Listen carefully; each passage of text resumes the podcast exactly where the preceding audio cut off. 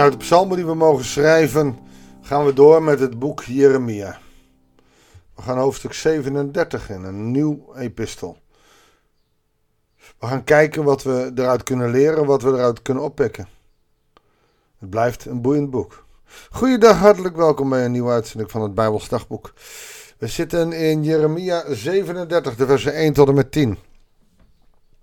Koning Nebukadnezar van Babylonië liet Jegonja, de zoon van Joachim, als koning van Juda opvolgen door Sedekia, de zoon van Josia.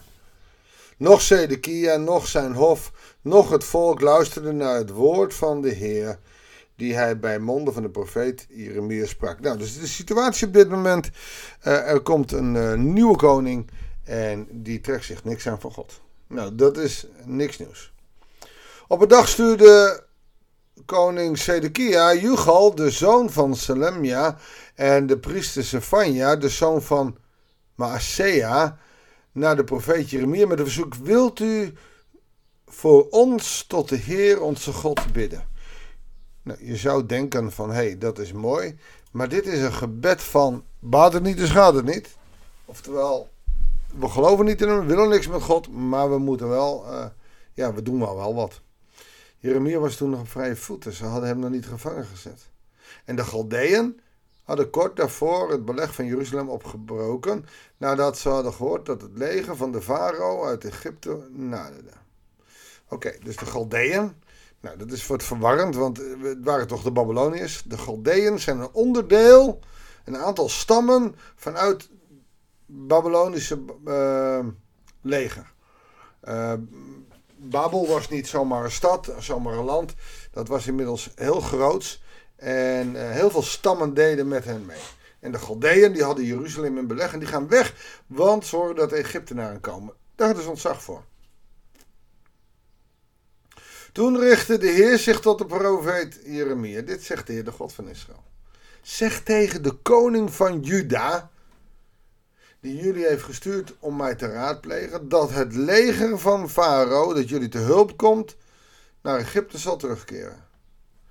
Dus Egypte komt eraan, de Galdeën gaan weg, de Egyptenaren kwamen om uh, de Judeërs te helpen. Vermoedelijk heeft de koning daar ook voor gezorgd. En God zegt, nou, ze gaan terugkeren. En het mooie is dat het niet eens alleen een profetie is, maar hij regelt het ook. En de Galdeën zullen terugkomen, de stad aanvallen haar innemen en in vlammen doen opgaan. Dit zegt de Heer, misleid jezelf niet door te denken dat de Galdeeën voor goed weggaan. Want zo is het niet. En ook al zouden jullie de Galdeese troepen, die jullie zullen aanvallen, verslaan, dan zouden zelfs de gewonden die overblijven uit hun terrein, tenten uitkomen en deze stad in vlammen doen opgaan. Het is natuurlijk wel iets geks aan de gang. Ze vragen, de koning vraagt alleen maar, oh, wil even voor me bidden. En God zegt, joh, ik zal jullie helemaal vernietigen. Wij zouden langs zeggen, het is toch positief dat ze willen bidden. Eh, ik denk dat er hier wat anders aan de hand is. Er is een, een, een flinke vorm van uh, hypocrisie. En er staat duidelijk bij dat ze niet luisteren naar de woorden van de Heer. Die voor, door Jeremia heen sprak. Nou, als, als je niet naar God luistert, ga dan ook niet bidden. Je, je ziet heel veel niet-gelovigen die als het even moeilijk wordt, die zeggen, nou wilt u maar even voor mij bidden. Ja, waarom? Nou, misschien helpt het. Ja, God is geen verbanddoos waar je even een pleister uit kan halen en even kan plakken. God is een God die gehoorzaamheid wil, afhankelijkheid wil. Niet voor dat we elke dienst beginnen met fouten, maar goed. Onze hulp en onze verwachting is in naam van God, die hemel en aarde gemaakt heeft. Onze hulp en onze verwachting komt van God. Daarna de groet. Om ook te laten zien dat het van God komt. Genade zij en vrede van God onze Vader. Het zijn niet zomaar wat liturgische woorden. Het zijn twee Bijbelteksten die ontzettend belangrijk zijn. Waarin we eigenlijk de afhankelijkheid van God alleen maar ervaren. Je zo niet wil geloven, als die afhankelijkheid je niks zegt. Maar alleen maar even bidden, als je even denkt iets nodig hebben, dan ben je bij God aan het verkeerde adres. Op zich is er natuurlijk met de vraag niks mis mee, wil je voor me bidden? Maar niet omdat het er eventjes bij hoort. Niet om maar eventjes te bidden. Ik heb wel eens een verzoek gehad. Ach, ik geloof niet hoor. Maar uh, wil je toch maar even voor me bidden? Nou, dacht ik niet. Waarom zou ik bidden als jij niet gelooft? Tot wie moet ik bidden? Tot een God die jij niet gelooft? Ik wil dat je bidt. En toen heb ik echt, echt iets gebeden als... Heere God die niet gelooft in zijn ogen. En dan zei stop maar, want je doet het niet. Nee, ik zeg ik doe het niet omdat je niet laat zien dat je gelooft. En als je niet gelooft, dan kan je ook niks verlangen. En het bleef stil. En het bleef nog eens stil. En het verstand brak door. Maar waarom zou ik dan, en allemaal gevechten, ik zeg stop maar. Het gaat er alleen om of jij in God wil blijven geloven. En dat is van immens groot belang. Als je in God gelooft, mag je hem bidden. Als je niet in God gelooft, heeft het geen enkele zin. Of het moet al zijn in de zoektocht en dat je maar wat bidt, maar dat je wel serieus bent. En weet je, mij kun je gewoon neppen. Maar God niet, want God ziet je hart aan.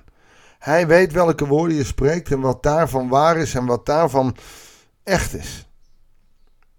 En dan laat hij duidelijk zien dat de Judeërs, de, de, de Joden, die zichzelf op dit moment zo belangrijk vonden.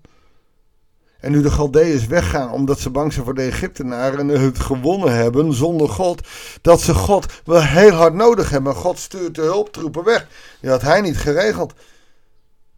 En dan laat de Galdeeën, die hij heeft ingezet, de Babylonische, die laat hij aantreden. Dat klinkt hard, maar het is een duidelijke boodschap. Met mij kun je alleen leven als je een oprechte relatie hebt met mij. En anders moet je mij er buiten laten. Als het slecht gaat, begin dan niet mijn naam ijdel te gebruiken van God doet ook niks.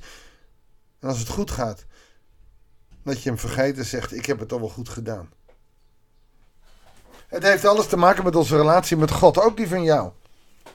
Je kan wel vroom bidden terwijl het niks voor je betekent. Dan doe je het helemaal voor niks. Geloven is niet eens de zwaarste taak, maar je moet het wel serieus nemen. En ik denk dat dat van heel groot belang is. Laten we daarom bidden. Heere God die alles ziet. Die weet wat er in mijn hart speelt. Met mijn zonden en de slechte dingen. Maar ook met mijn verlangens om dicht bij u te wonen. Om dicht bij u te leven. Heer, vanuit de gebrokenheid bidden wij. Wilt u naar ons hart kijken? Zie ons of er bij ons een heilloze weg is en leid ons op de eeuwige weg. Heer, Psalm 139 heeft ons dat al geschreven. Wij zijn van die mensen die zeggen: Zou ik niet haten wie u haten? En Heer God, wilt u dat maar even doen? Wij spannen u graag voor ons karretje. Wilt u ons vergeven? En laat ons ons geloof in afhankelijkheid van u hebben. Want alleen dan kunnen we er sterker uitkomen. Zegen ons zo vandaag met alle gedachten die we daarover hebben. Dat bidden we u in Jezus' naam. Amen. Dankjewel voor het luisteren. Ik wens je God zegen en heel graag tot de volgende uitzending van het Bijbelsdagboek.